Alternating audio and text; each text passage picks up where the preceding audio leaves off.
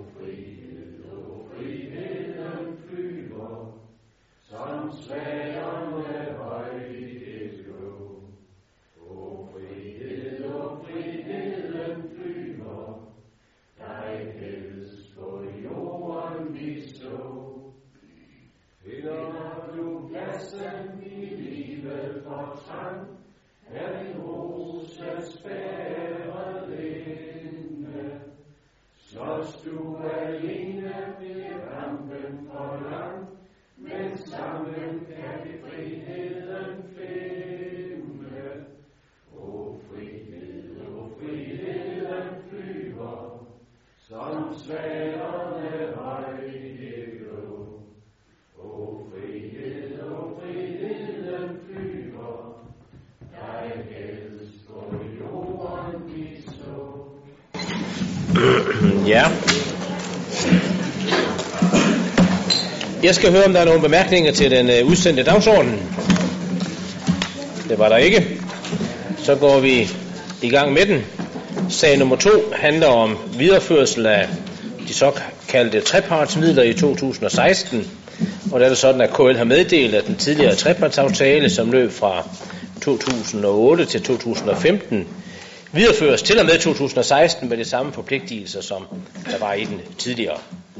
Og formålet er at sikre følgende diplomuddannelse i ledelse, voksne elevløn til uddannelse til social- og sundhedshjælper, social- og sundhedsassistent og pædagogisk assistent.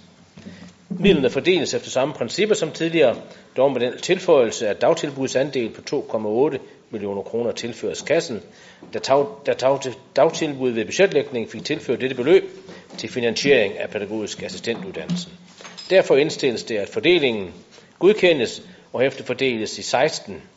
Dagtilbudsandel, som sagt, tilgår kassen i 2016, og jeg skal høre, om der er bemærkninger til den anbefaling. Det var der ikke, så gør vi det sådan. Så går vi til sag nummer 3, som handler om noget helt andet, nemlig overtagelse af jord ved Ribe Fritidscenter. Det er sådan, at i øh, efteråret sidste år, der retter man henvendelse fra Ribe Fritidscenter med ønske om, at kommunen skulle overtage to arealer beliggende vest for den nye øh, sportsvej. Øh, ved en overtagelse af de nyrenoverede P-pladser mellem fritidscenteret og skolen, vil alle pladserne blive kommunalt ejet og ikke som i dag delt på en måske lidt uhensigtsmæssig måde. Samtidig vil Esbjerg Kommune overtage et større areal sydøst for Sandfangssøen ved Tvedå. Esbjerg Kommune disponerer allerede i dag over arealet med forbindelse, i forbindelse med, at sandfanget tømmes med års mellemrum, hvor det bruges som en slags øh, mellemdepot for det opgravede sand. Derfor indstilles det, at kommunen overtager de pågældende arealer for Ribe Fritidscenter, og at Ribe Fritidscenter afholder udgifterne i forbindelse hermed.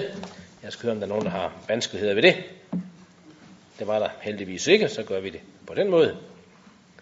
Så går vi til sag nummer 4. Det er en ændring af en driftsaftale med puljeordningen Blåmuslingen, og det vil Diana Mose Olsen sige lidt mere om. Værsgo. Ja, tak. Blåmuslingen er en daginstitution i Esbjerg, som drives efter en såkaldt puljeordning. Puljeordningerne er en driftsform, som dagtilbudsloven egentlig har udfaset, og siden august 2007 har det ikke været muligt at etablere nye puljeordninger. Men eksisterende har kunne fortsætte som driftsform. Hvis puljeordningen så har ønsket at foretage nogle ændringer, ja, så kan de laves som et tillæg til driftsaftalen, der så skal godkendes af byrådet. Indtil 2014 var, den, øh, var det foreningen, som også stod for driften af Rudolf Steiner skolen i Esbjerg, som drev blommuslingerne. Men da skolen så gik konkurs, så blev foreningen nedlagt, og siden har bestyrelsen så varetaget det økonomiske, juridiske og pædagogiske ansvar øh, og driften af daginstitutionen.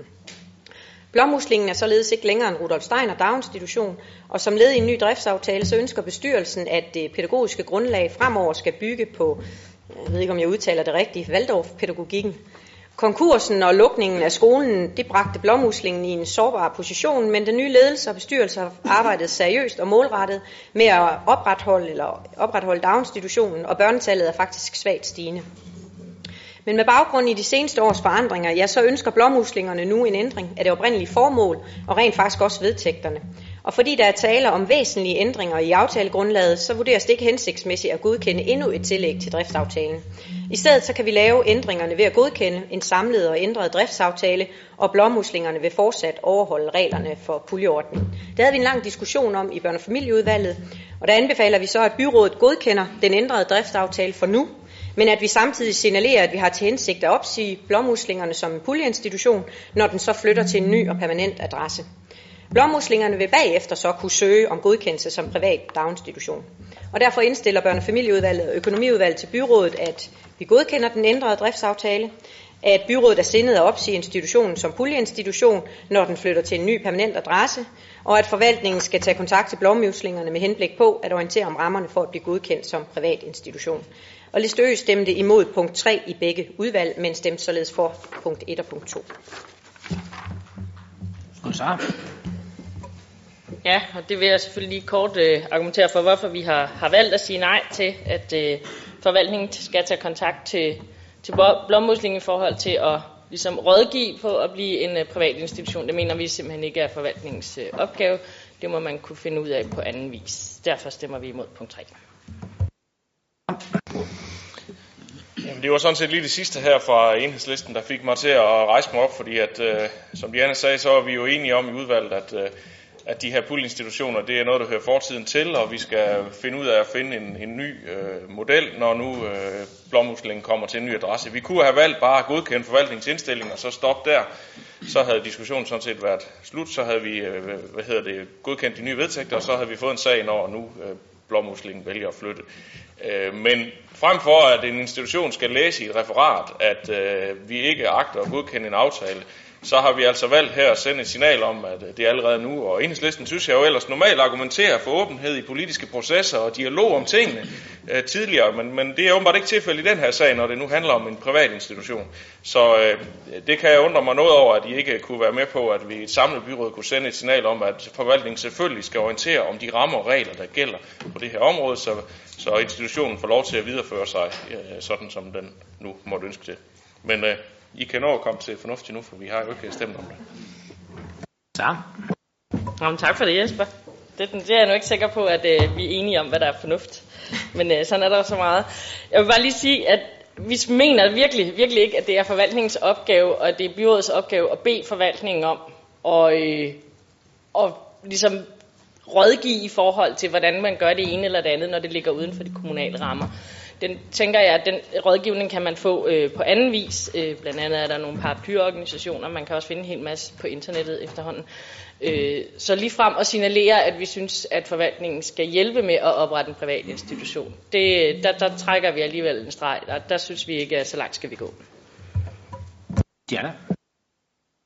Der er jeg så desværre nødt til at sige, at det er der jo ikke noget unaturligt i. Det gør vi allerede i dag. Det gør vi faktisk ved alle øh, de personer, som har et ønske om eventuelt at oprette en privat institution. De tager kontakt til Esbjerg Kommune, de tager kontakt til forvaltningen. Vi har rent faktisk øh, vedtaget et sæt af kriterier for at drive en privat daginstitution. Den er vedtaget i børnefamilieudvalget også med enhedslisten. Så hvis det er sådan, at vi ikke skulle rådgive og vejlede omkring den del af det, så synes jeg egentlig, at det ikke helt harmonerer med det, vi tidligere har besluttet. Ja. Jeg siger heller ikke, at forvaltningen ikke skal rådgive om det. Jeg siger, at det er et forkert signal at sende, at øh, byrådet og børn- og familieudvalget, og økonomiudvalget også for den sags skyld, anmoder forvaltningen om at tage kontakt. Jeg mener, at kontakten bør foregå den anden vej.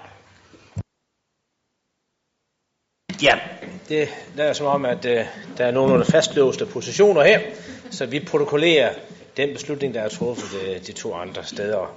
I stemmer imod det der på tre stadigvæk. Tak for det.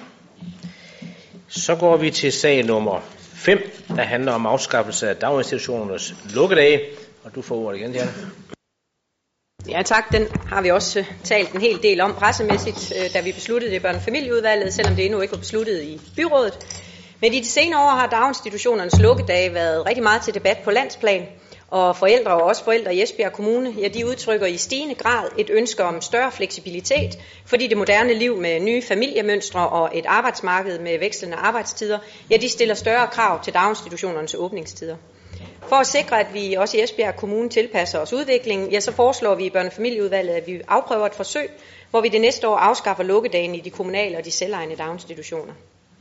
Siden 2007 har vores daginstitutioner her i Esbjerg Kommune været lukket fredag efter Kristi Himmelfartsdag, Grundlovsdag i uge 29 og 30 og hverdagene mellem jul og nytår, hvis færre end halvdelen af børnene har brug for pasning.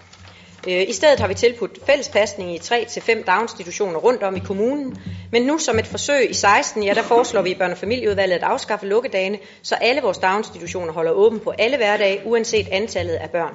På den måde skal forældrene ikke planlægge efter daginstitutionerne, men kan i stedet for bestemme og tilrettelægge, hvordan det bedst passer ind i deres liv og dagligdag at holde ferie med deres børn. Fordi selvom vores øh, familier rent faktisk har kunne få passet børnene i det, man kalder nødpasning, har rigtig mange forældre valgt det fra, simpelthen på grund af utryghed i forhold til, om de pædagoger, børnene nu er blevet passet af, er nogen, de har en relation til.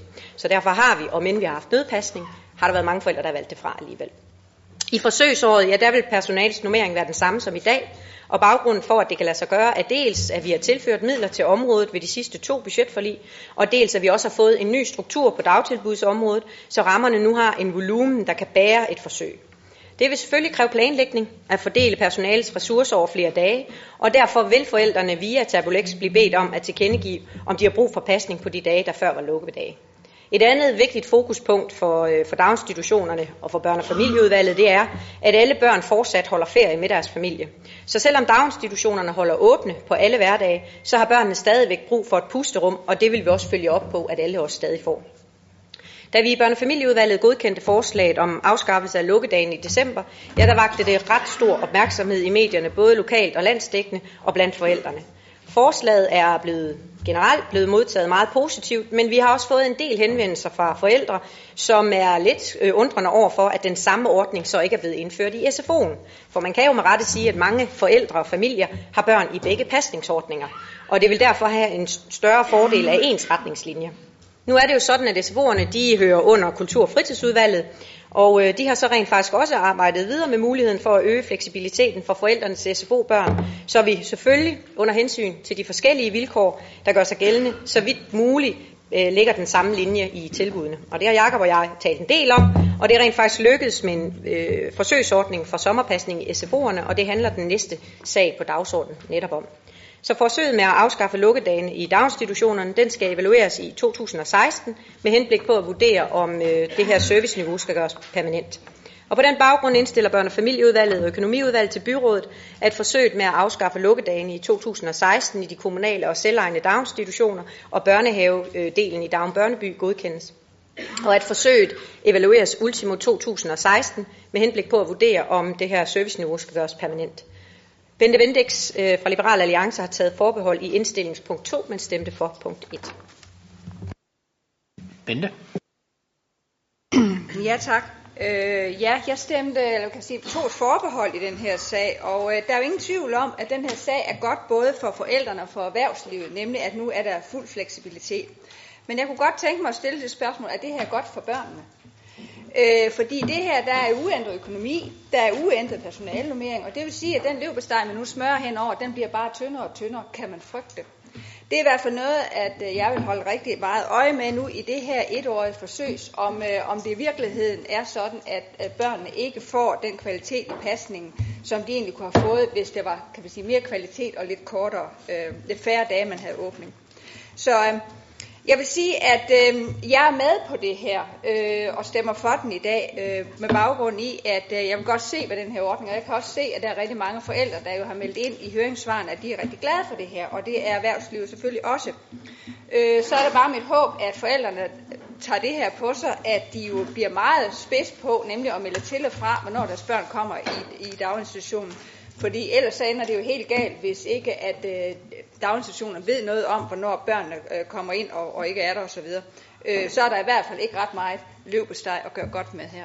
Så, øh, så lad os se, øh, hvad, det, hvad det viser sig næste år, og så håber jeg ikke, at børnene får en, en dårligere kvalitet øh, i pasning. Altså. Jesper? Ja tak. Det her det er jo en rigtig, rigtig god sag, som der også har været både talt om her i dag, og, øh, og øh, da Børn- og Familieudvalg tog øh, beslutningen i, i december måned. Fordi at øh, her kan vi jo komme til at imødekomme nogle, nogle af de forventninger, der er både fra erhvervslivet og forældrene, som der også er blevet sagt. Og det er jo lige præcis den vej, som vi også i Venstre ønsker at gå, øh, og sikre, at vi har mere fleksibilitet i de dagtilbud, som, som vi har. Øh, jeg er rigtig glad for at høre, at Liberal Alliance også er med nu, så vi nok øh, kan stå helt samlet om at øh, afskaffe lukkedagene her i 2016. Jeg er nu ikke så bekymret for det med, om, om det nu bliver et dårligere tilbud, vi får, fordi det gør det jo ikke. Vi har jo vedtaget rammerne for, hvad det er, vi skal... Hvad, hvad det er for nogle krav, vores dagtilbud skal leve op til, og det skal de selvfølgelig på alle de dage, de har åbent her. Vi har jo skaffet økonomien dels ved at, som Diana sagde, tilføre nogle midler til området, men vi har jo altså rent faktisk også taget en beslutning her for et års tid siden om at gå fra ni områder til syv områder, som har frigjort nogle flere penge, øh, som ellers var anvendt til ledelse og administration. Nu bliver det altså til, øh, til varme hænder med den her beslutning, der, der blev truffet dengang, og nu kan de jo blandt andet bruges til at sikre, at vi kan afskaffe lukkedagene.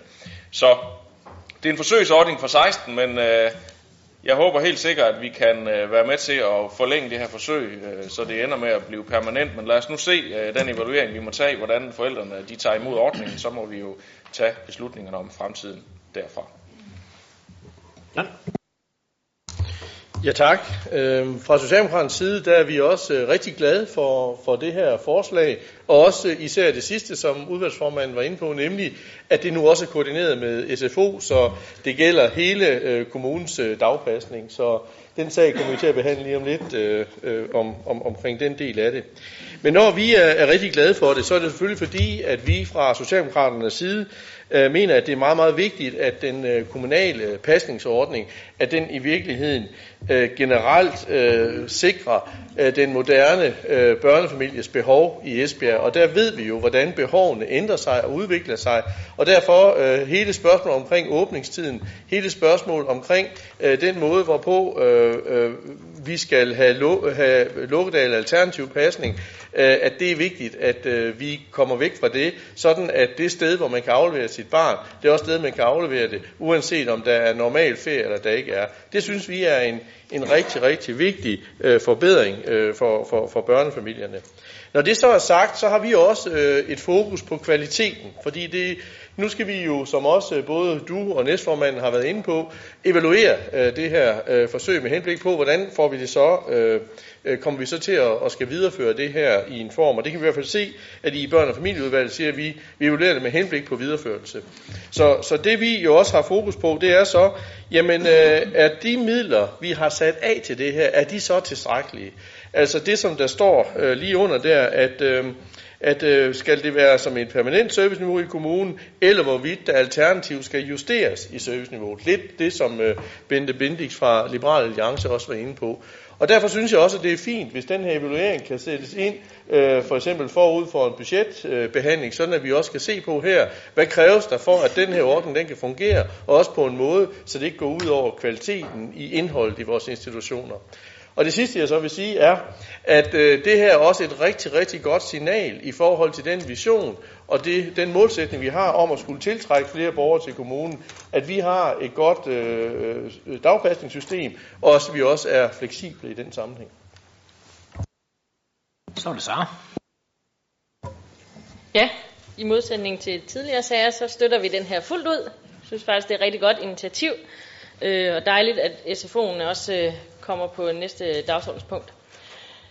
Jeg, de, jeg deler Bentes bekymring i forhold til den tynde leverpostej, øh, men jeg tager også Bentes øh, øh, udsagn som værende lidt en fremstrakt hånd i forhold til, øh, til budget øh, her næste gang, at vi måske skal se på, alt efter hvad evalueringen siger, som John også er inde på, om der skal tilføres yderligere midler. Men det må vi jo tage til den tid. Men øh, fuld opbakning herfra i hvert fald.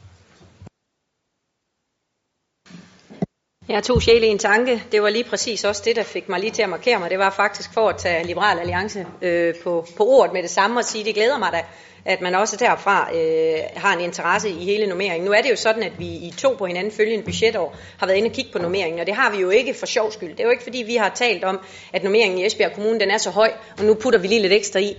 Nej, øh, det er rent faktisk sådan, at vi lå som den tredje sidste på landsplan med henblik på nummeringen i vores daginstitution. Derfor var det mere end rimeligt, at normeringen blev hævet.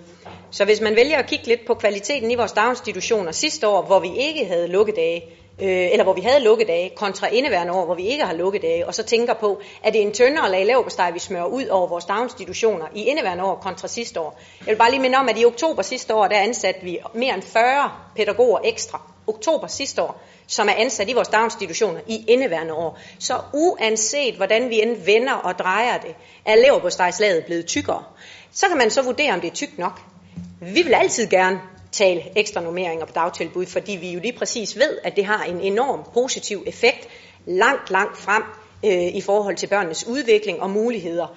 Og, og, og så det vil vi hellere end gerne. Nu kan jeg høre, at Liberal Alliance også er med. Super dejligt, så er vi lidt flere, der taler øh, den vej, og det skal jeg nok huske i forhold til en kommende budgetsnak.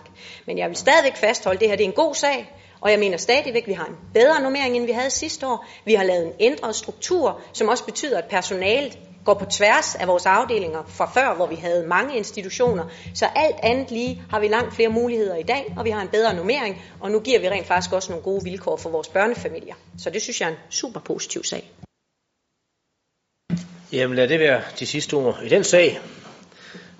Med den her store forbrødring, så går vi videre til sag nummer 6. Værsgo, Jakob. Jamen tak for det, og så vil jeg håbe på, at øh, denne sag også glider så let igennem, som, som den foregående den gjorde. Fordi nu har vi jo netop godkendt forsøg, som der går ud på at afskaffe øh, lukkedagene i vores øh, daginstitutioner. Det var en sag, som der er flere, der har været inde på, som der vagte en del, synes jeg, er rigtig positiv debat. Og øh, det viste sig, at en hel del forældre, de ønskede, eller ytrede ønsker om, om man kunne indføre en lignende ordning i SFO'erne. Det kunne vi godt se en, øh, en god fornuft i i kultur- og fritidsudvalget, fordi mange familier har børn både i daginstitutioner og i SFO, og derfor kan drage større nytte af fleksibiliteten, hvis retningslinjerne for feriepasning den bliver ensrettet. Derfor så har vi sat en model sammen, som økonomisk og praktisk passer til de vilkår, som der gælder for SFO-området. Vi vil parallelt med daginstitutionerne gerne afprøve ordningen som forsøg her i 2016, for at se, hvordan den kan komme til at fungere i praksis. Da den nye skolestruktur blev vedtaget sidste år, så blev det besluttet, at en SFO i hvert af de syv skoledistrikter plus Darmen Børneby skulle tilbyde pasning i uge 28, 29 og 30. I stedet for at samle pasningen vil vi med den nye model give alle 25 SFO'er mulighed for at holde åben. Forældrene de vil fortsat kunne melde deres børn til pasning i en eller flere af de tre sommerferieuger for en pris på 505 kroner per uge. Men som noget nyt, så vil hver enkelt afdeling holde åben i de uger, hvor minimum 10 børn er tilmeldt. Uanset antallet af tilmeldte børn, så vil der stadigvæk naturligvis være pasning i mindst en SFO i hver skoledistrikt i de tre uger. Og derudover så lægger vi også op til, at der på Fortuna-skolen i Brammingområdet og Vadehavsskolen i Ribeområdet vil være to SFO'er, der holder åben på grund af den store geografiske afstand, afstand mellem de forskellige afdelinger. Samtidig så vil det også tilstræbes, at SFO'erne i, i de tre uger vil blive bemandet af uddannet pædagogisk personale, ligesom børnene så vidt muligt vil møde personale, som de kender fra dagligdagen. I Kultur- og fritidsudvalget der mener vi, at den model både imødekommer forældrenes ønsker om større fleksibilitet og samtidig med er økonomisk ansvarlig. Fordi vi har fået regnet lidt på det, og hvis vi havde vedtaget at holde alle SFO'er åben i de tre sommerferieuger, uanset antallet af børn, så ville det faktisk have kostet 1,9 millioner kroner ekstra om året. Hidtil der har erfaringerne vist, at det er få, som der har brug for sommerferiepasning i SFO, og faktisk så var øh, antallet af tilmeldte børn sidste år lige omkring 40.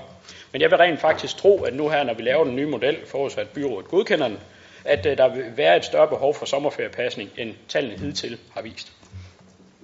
Nu ser vi frem til, med byrådets godkendelse, at afprøve den nye ordning i den kommende sommerferie. Forældrene de får lettere ved at planlægge sommerferien på deres egne præmisser, og vi får lejlighed til at vurdere, hvor stort behovet for pasning reelt er, når der er mulighed for at få børnene passet i deres egne SFO. Allerede i august måned, der vil forsøget blive evalueret, og så tager vi ud fra erfaringen stilling til, hvordan serviceniveauet det skal se ud fremadrettet. Og på den baggrund indstiller Kultur- og fritidsudvalget og økonomiudvalget til byrådet, at der i sommeren 2016 etableres denne forsøgsordning i SFO, således at skolerne inden for egen økonomisk ramme holder åbent i de SFO'er, hvor der minimum er tilmeldt 10 børn i ugerne 28, 29 og 30. Og som sagt, hvis der er under 10 børn tilmeldt, så henvises disse børn til pasning i en anden SFO inden for skoledistriktet. Som minimum holdes en SFO åben i hvert, i, øh, hvert skoledistrikt, uanset antallet af tilmeldte børn. At der som minimum holdes åben to steder i både Bramming og Ribe, uagtet at børnetallet er oppe på 10 hvert sted. Og ordningen evalueres herunder også de økonomiske konsekvenser i august måned 2016 med henblik på efterfølgende politisk stillingtagen til de fremtidige serviceniveau for sommerferiepasning åben i SFO. Tak for det. Ja, der er ikke nogen, der har bedt om ord, så det har du gjort meget opbevisende, Jakob, så den følger vi indstillingen på. Så går vi til sag nummer 7, det handler om klima- og energistrategi. Værsgo, John. Mange tak for det. Den nye klima- og energistrategi, den understøtter Esbjergs Kommunes øh, vision og vores vækststrategi 2020 og bakker op om ambitionerne for vækst og udvikling på klima- og energiområdet. Strategien sender et meget stærkt signal om mere erhvervsrettet indsats, hvor partnerskaber er helt centralt og har økonomisk potentiale for lokale virksomheder. Hovedområderne i Esbjerg Kommunes nye klima- og energistrategi omhandler bæredygtige boligområder, grønnere transport, energi og læring og nye indsatsområder. Og den nye klima- og energistrategi er tænkt som en meget håndgribelig strategi, som tager udgangspunkt i Esbjerg Kommunes helt særlige styrkeområder. Klima- og energistrategien indeholder derfor en række konkrete indsatser og projekter, som skal føres ud i livet i samarbejde med virksomheder, med forsyningsselskaber og uddannelsesinstitutioner. Flere forskellige tiltag er allerede sat i værk, og strategien lægger derfor både vægt på at styrke de nuværende indsatser, samtidig med, at nye indsatser bliver sat i gang.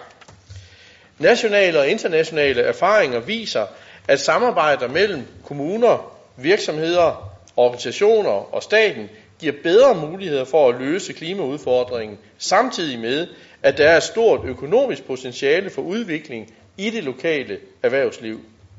Klima- og energistrategien er derfor også på forhånd udarbejdet i samarbejde med netop erhvervslivet her i Esbjerg Kommune og uddannelsesinstitutionerne i kommunen, og derfor sender det også et meget stærkt signal og ønske om en klima- og energiindsats, der i høj grad er erhvervsrettet.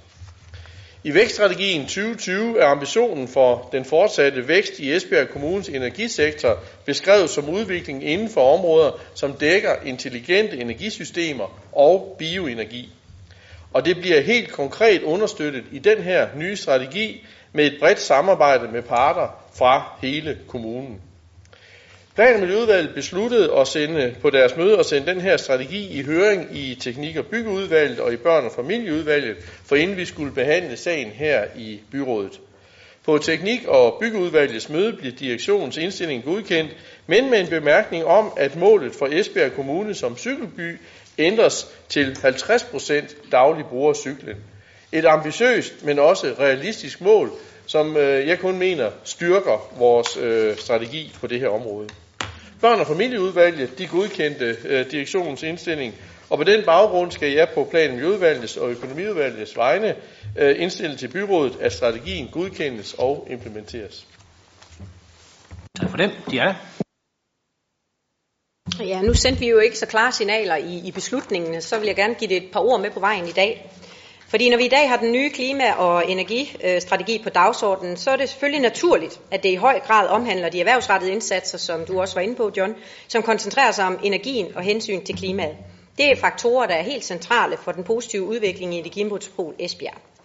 Men som formand for børne- og familieudvalget, så vil jeg også tillade mig at udvide perspektivet en smule og bringe vores yngre borgere på banen i den her vigtige debat omkring, hvordan vi styrker klima- og energiområdet fremadrettet. Det er nemlig afgørende, at vi ikke udelukkende fokuserer på indsatser, vi kan måle og veje i vækst nu, eller se resultaterne af inden for en overskuelig fremtid. Vi bliver nødt til at tænke endnu mere langsigtet og prioritere at sætte ressourcer ind der, hvor vi godt nok ikke lige med det samme får et synligt output, men hvor vi tager det lange seje træk, der betaler sig på sigt. Selvfølgelig i samspil med de her vigtige initiativer og indsatser, som den nye klima- og energistrategi sætter rammerne for. Men vi skal huske på, at det er de næste generationer, der skal drive alt det videre, som vi i Esbjerg Kommune sætter i værk for at bakke op om de ambitioner på klima- og energiområdet, vi her i byrådet har sendt klare signaler om med Vision 2020 og med Vækststrategi 2020. Som kommune, ja, der kan vi bidrage til, at børn og unge allerede i vores dagtilbud og skoler lærer om energi, klima og miljø. Omsat til læringssprog, så er det en del af det, vi kalder science. I børne- og ungepolitikken, ja, der er det et erklæret mål, at vi i Esbjerg Kommune arbejder særligt målrettet med læring, der giver børn og unge erfaring med science og de naturvidenskabelige arbejdsmetoder. Det hænger sammen med den energibranche, der er helt centralt for vores område, og vi lægger vægt på, at vores unge mennesker oplever at gå ud af uddannelsessystemet og rent faktisk kunne matche efterspørgelsen i det lokale erhvervsliv, hvis det er det, de ønsker. Som en rød tråd til børne- og ungepolitikken, ja, så har vi science-strategien, der har det naturvidenskabelige pejlemærke, der sikrer et fokuseret og sammenhængende indsats. Så målet er rent faktisk at vække, motivere og fastholde børn og unges interesse for de naturvidenskabelige fag. I december der var 196 af verdens lande samlet til klimatopmødet i Paris, hvor de efter årlange og meget vanskelige forhandlinger lykkedes at nå til enighed om en klimaaftale, der gælder for 2020, og som rent faktisk skal begrænse den globale opvarmning. Det kan godt virke en lille bitte smule overkill at bringe COP21 ind her øh, i byrådssalen i Esbjerg på en helt almindelig mandag i januar, men klimaaftalen har rent faktisk også stor betydning for os alle. Det er rigtig vigtigt, at vi bakker op om klimaarbejdet i praksis, i særdeleshed hos alle os, der er med til at tage beslutninger og tegne linjerne for fremtiden. Det gør vi, som den nye klima- og energistrategi beskriver, med et kontant og et markant fokus, der strækker sig på tværs af interesser og politisk ståsted og gennem hele systemet, lokalt, nationalt og internationalt i partnerskaber med offentlige instanser og i det private erhvervsliv. Men vi gør det altså også lige så vigtigt på den lange bane ved at give børn og unge i Esbjerg Kommune en god baggrund for at blive ambassadører for en bæredygtig fremtid. John? Jeg synes, det er nogle rigtig, rigtig dy- gode øh, kommentarer og, og fint at høre fra, fra børn- og familieudvalget.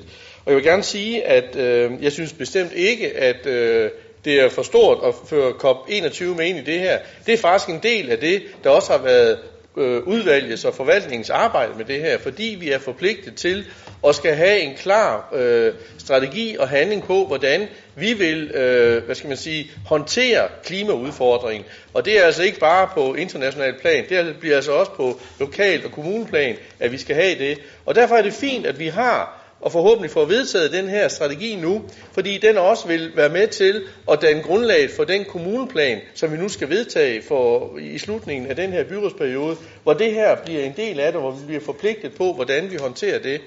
Men hvis vi så derimod har nogle handlinger og nogle strategier på, hvordan vi i samarbejde med kommunens virksomheder, i samarbejde med uddannelsesinstitutionerne, netop kommer i mål med det her, så er vi allerede gået et skridt af vejen. Og derfor synes jeg ikke, det er på nogen måde for stort at tage COP21 ind i det her. Øh, den diskussion har Sara Nørrig jo også haft på, på det seneste byrådsmøde, mener jeg, og kan huske. Øh, men, men det andet, øh, du nævner, det er energi og læring, som jo jeg også sagde i mit forelæggelse her, er en vigtig del af, af de øh, ben, som den her strategi står på. Og derfor er det fint, at vi tænker det langsigtede strategi på, tænker de langsigtede briller, tager de langsigtede briller på i forhold til at, at, at sikre det her. En af de initiativer, vi allerede har gang i, det er blandt andet Djerborg-projektet, hvor, hvor, hvor jeg blandt andet også glæder mig rigtig meget over, at skoler og dagpasning i den grad er gået ind i, i det arbejde med at sikre Tjerborg som energiby. Så jeg synes også, at vi har allerede nu øh, ting i gang på det område, og det skal vi bare øh, fortsætte med. Så tak for bemærkningerne fra børn- og familieudvalget også.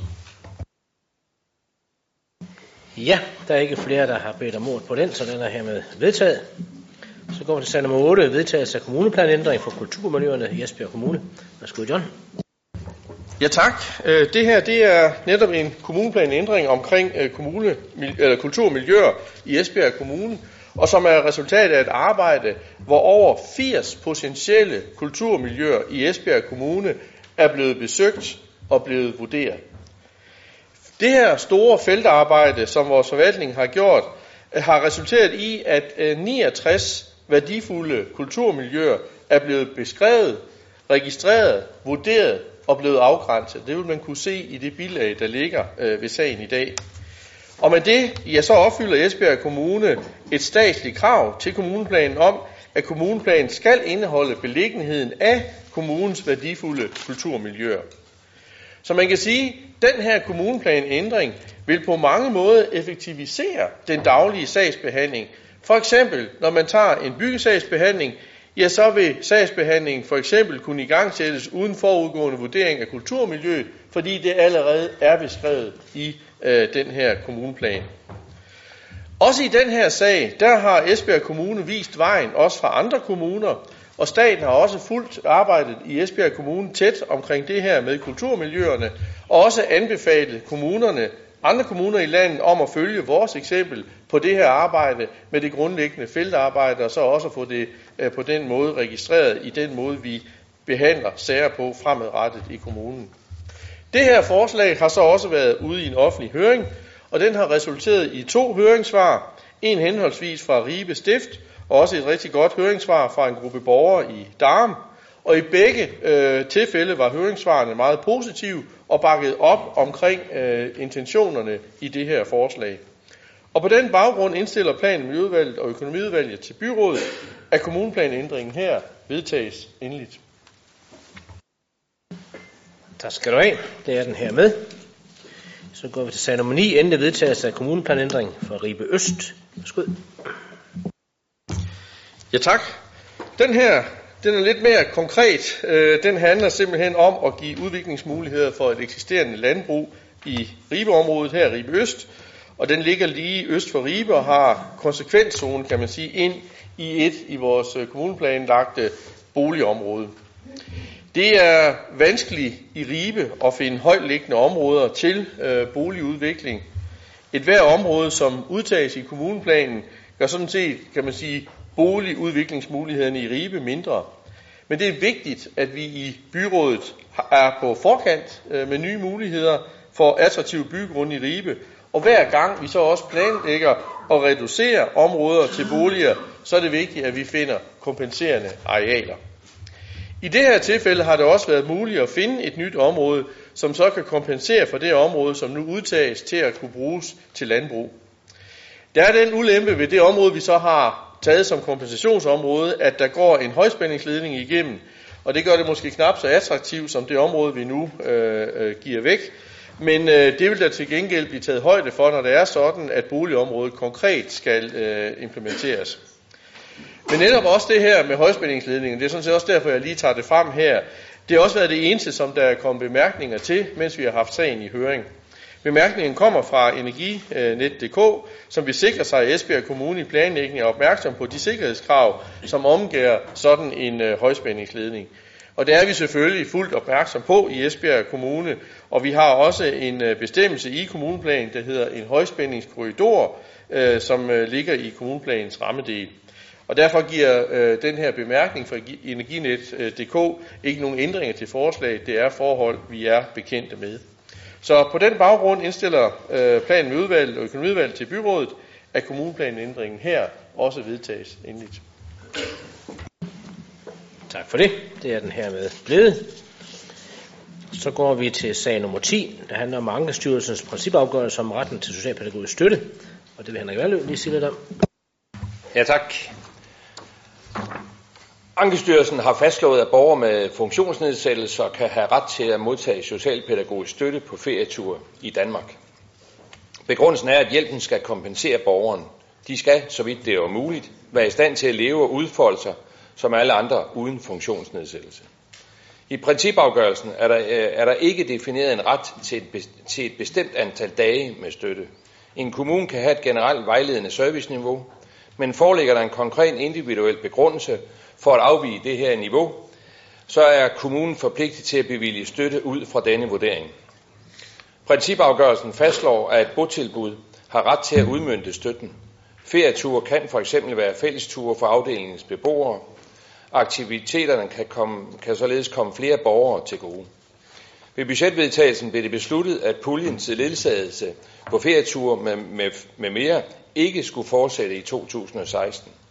Siden kom så den her øh, afgørelse fra Ankestyrelsen, og det betyder, at vi nu har behov for alligevel at have midler for at kunne tilrettelægge ture og ferie for. Social- og arbejdsmarkedsudvalget anbefaler, at byrådet godkender, at der også i 2016 anvendes 1 million kroner til socialpædagogisk støtte. Behovet skal følges, så spørgsmål kan indgå i forbindelse med den kommende budgetlægning. Tak. Så er det Ulla. Ja, tak. Altså i øh, Socialdemokratiet, der er vi glade for, at der igen er afsat midler. Så kan borgerne med betydelig nedsat funktionsevne, de kan komme på øh, social socialpædagogisk støttet ophold, øh, også af flere døgns varighed uden for hjemmet. Der er selvfølgelig tale om kortere ferieture, men også andre øh, små ture. Nu kan beboerne igen glæde sig til at komme på ferieophold og ture.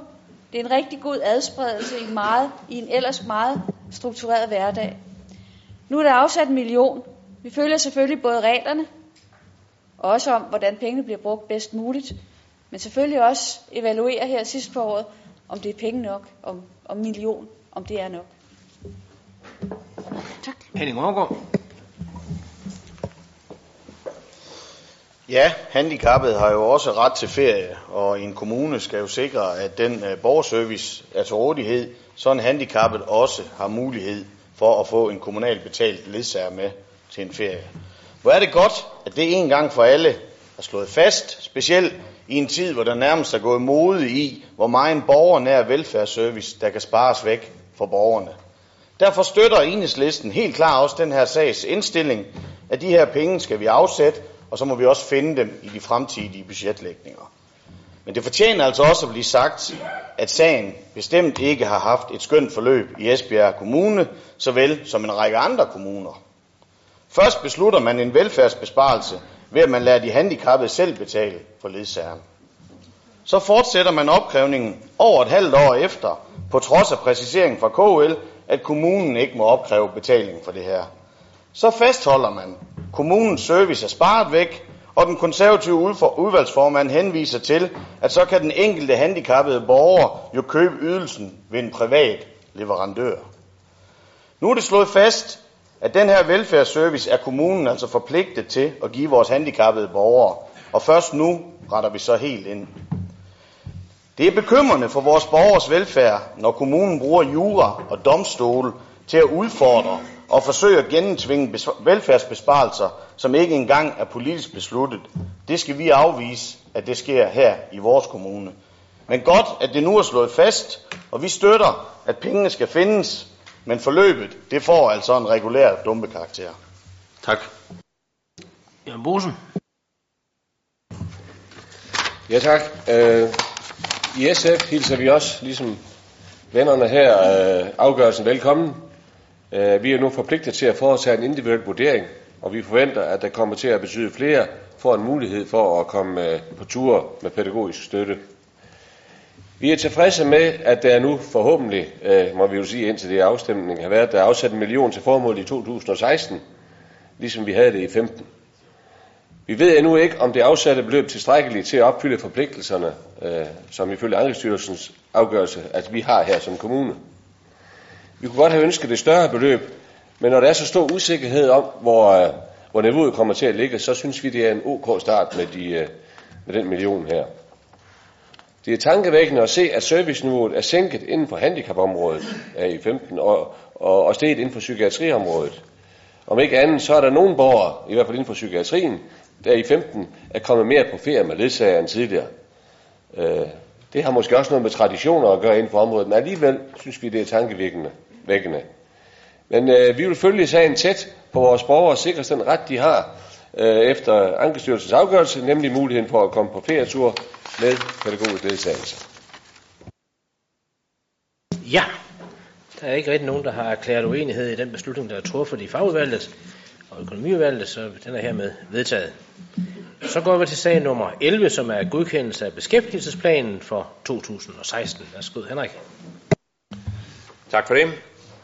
Nøjagtigt som tidligere år, så skal byrådet vedtage en plan for beskæftigelsesindsatsen i det kommende år, beskæftigelsesplan 2016. Beskæftigelsesplanen tager afsæt i fire beskæftigelsespolitiske strategier, en for hver af de fire ministermål, som har været i høring hos henholdsvis Fanø Kommune og Forum for Rekruttering og Beskæftigelse. Fanø Kommune havde ingen bemærkninger.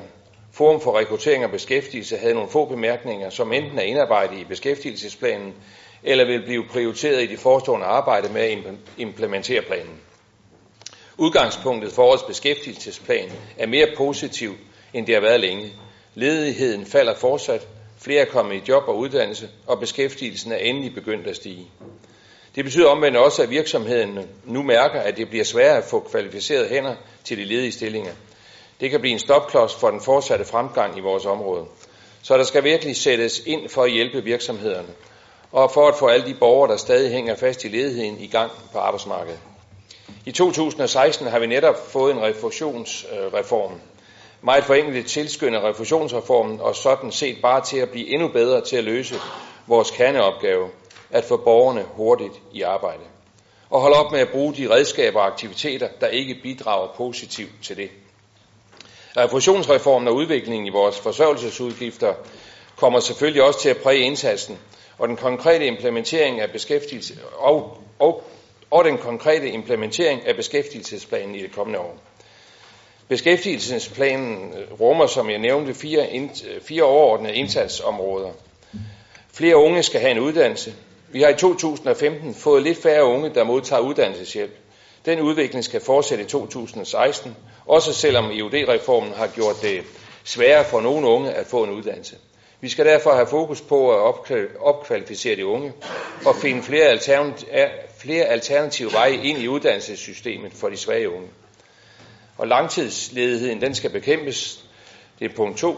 Der er forsigtige tegn på, at langtidsledigheden endelig falder.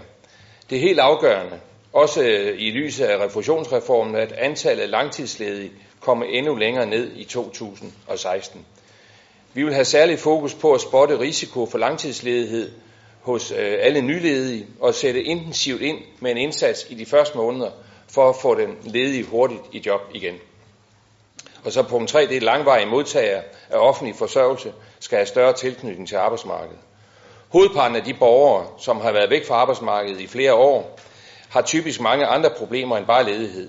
Vi vil derfor have særligt fokus på at styrke det tværfaglige samarbejde med andre forvaltninger og sektorer om disse borgere. En målgruppe, som kommer til at kræve ekstra ressourcer i 2016, er de mange flygtninge, hvor jobcentret koordinerer indsatsen for at få dem integreret i det danske samfund med bolig, sprogundervisning og arbejde. Vi skal løfte den kæmpe udfordring, det er at få disse borgere i spil på arbejdsmarkedet. Og så er der punkt 4, det er samarbejde med virksomhederne, der skal styrkes. Esbjerg fik i 2015 en rigtig flot placering i DI's årlige måling af jobcenternes virksom, virksomhedsindsats. I 2016 skal vi have bredt vores samarbejde ud til, til endnu flere virksomheder. Vi vil være mere opsøgende, og så vil vi have særlig fokus på at udvikle vores service, så vi bliver endnu mere attraktive samarbejdspartnere.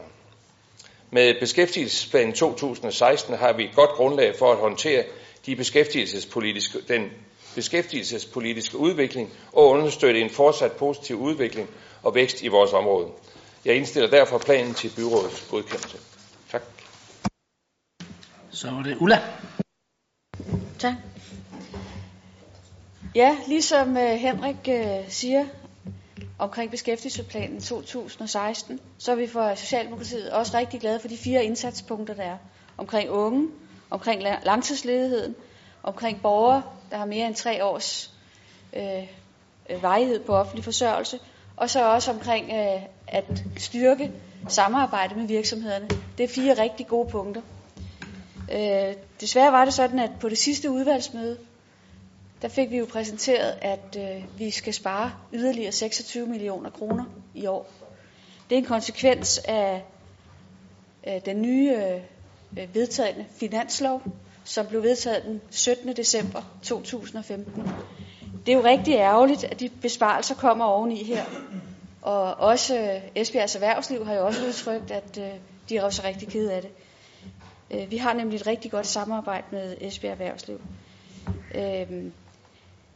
Det der jo sker, det er, at forvaltningen de har jo så fået 14 dage fra den 17. december til den 1. januar til nærmest at implementere de her besparelser.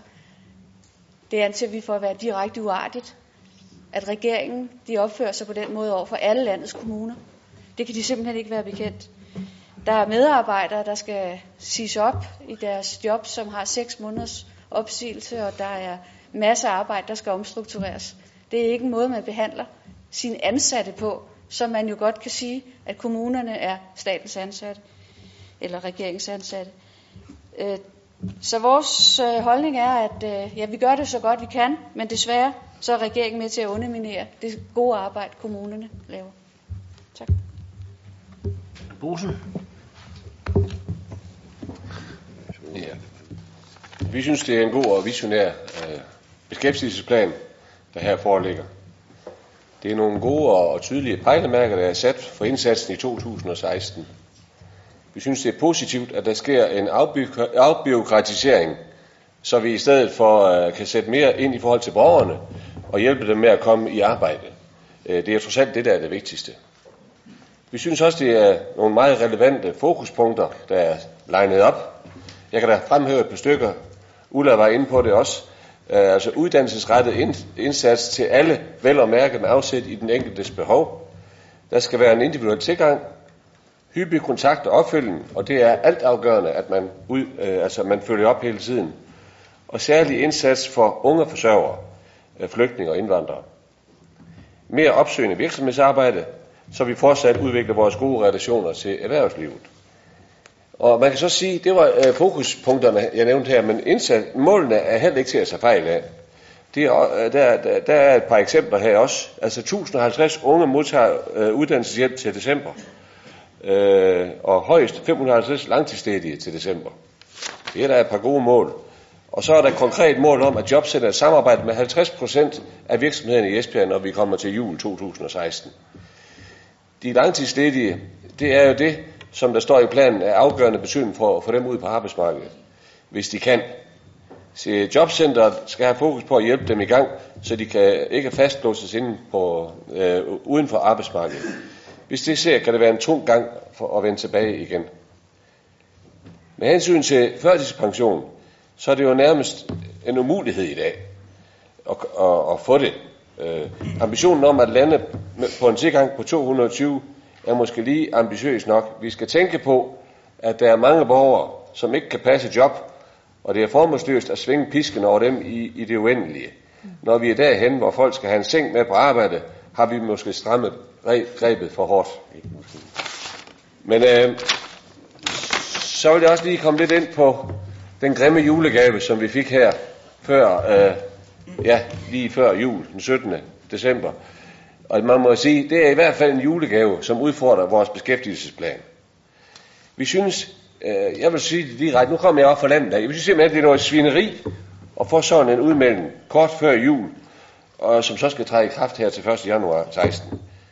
Og jeg vil indrømme, jeg har heller ikke mødt nogen, der roser det. Tværtimod, så har jeg mødt det modsatte. Og det er hverken her i Esbjerg, eller jeg var til KL møde i Aalborg her et par dage i sidste uge.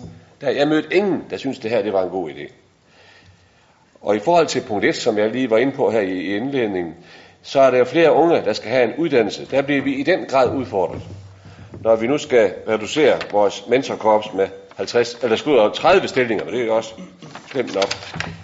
Så øh, alt i alt er vi øh, enige med de positive høringssvar om, at der er indkommet. Øh, vi bakker op om beskæftigelsesplanen og er spændt på at følge arbejdet med fokuspunkter. Selv trods de udfordringer, vi har fået, er Claus Hjort. Og jeg kan sige, i udvalget har vi sendt en ikke helt sød hilsen til ham. Den er på vej over til ham. Han har nok kold over. Ja. Ja, det er jeg glad for. Øh, Henning Overgaard. Ja, tak. Vi har fra enhedslistens side øh, heller ingen indvendinger imod den beskæftigelsesplan, der ligger foran os her i dag. Og et langt stykke hen ad vejen er vi øh, også meget indforstået med de ord, som er givet med på vejen, både af udvalgsformanden og andre her i, i byrådssalen. Det, der kan undre, det er, når man slår op i pressen, det er netop de her historier om, at man ikke kan få den arbejdskraft, som virksomhederne efterspørger. Og det er altså pudsigt, at man kan slå en avis op, og på dobbeltsidet artikler bliver der beskrevet sørgelige historier om virksomheder, der afskediger deres medarbejdere. Med den fornemmelse bladrer man tre gange i avisen, så er der en helsides artikel på begge sider, der beskriver, at virksomhederne ikke kan få efterspurgt arbejdskraft. Derfor vil jeg sige, det er altså nogle historier, der er så øh, illoyale over for den dagsorden, der besættes i forhold til vores øh, beskæftigelsesindsats her i vores land og også i vores kommuner.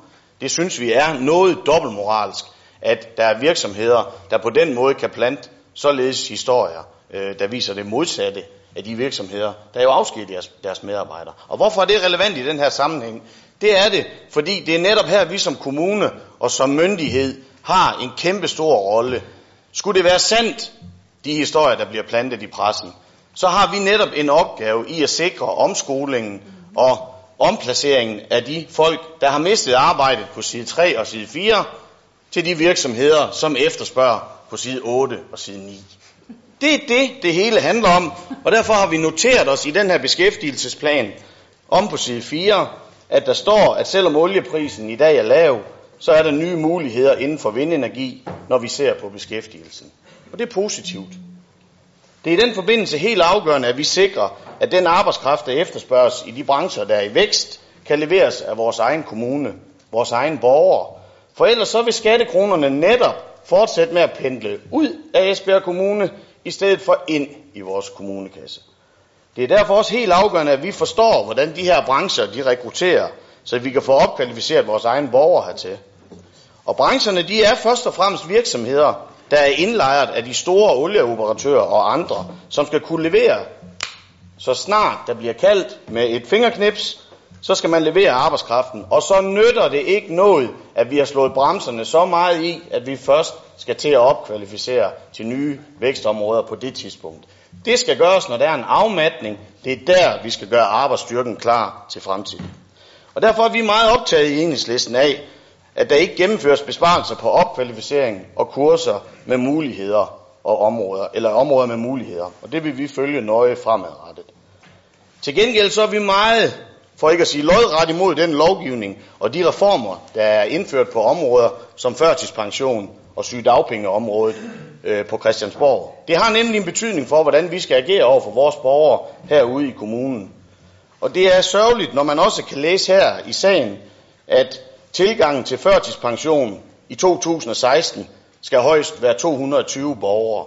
Altså, med politiske instrumenter har man besluttet, at uanset hvor syg man er, så kan nummer 221 ikke få tilkendt førtidspension.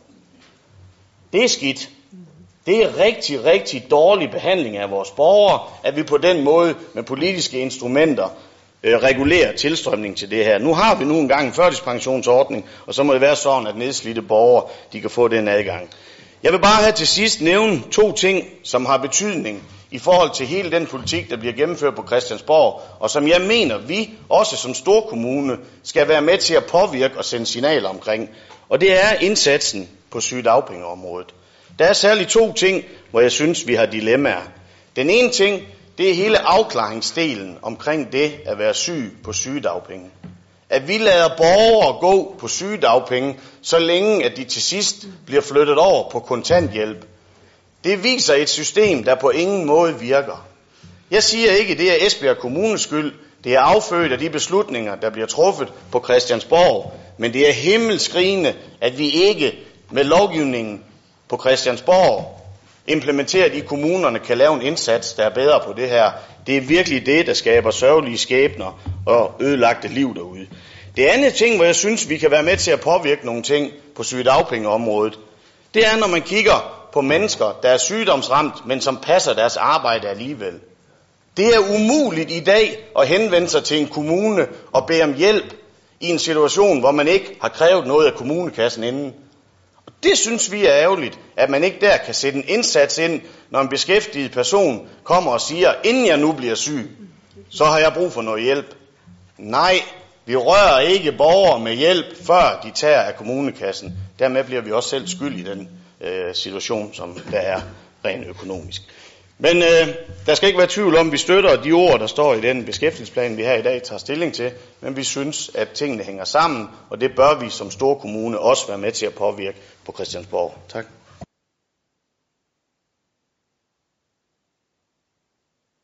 Ja. Der er ikke flere, der har bedt om ordet. Men det var sådan set også nok. Øhm, den er hermed vedtaget, og det var det sidste punkt på den åbne dagsorden. Tak fordi I kom.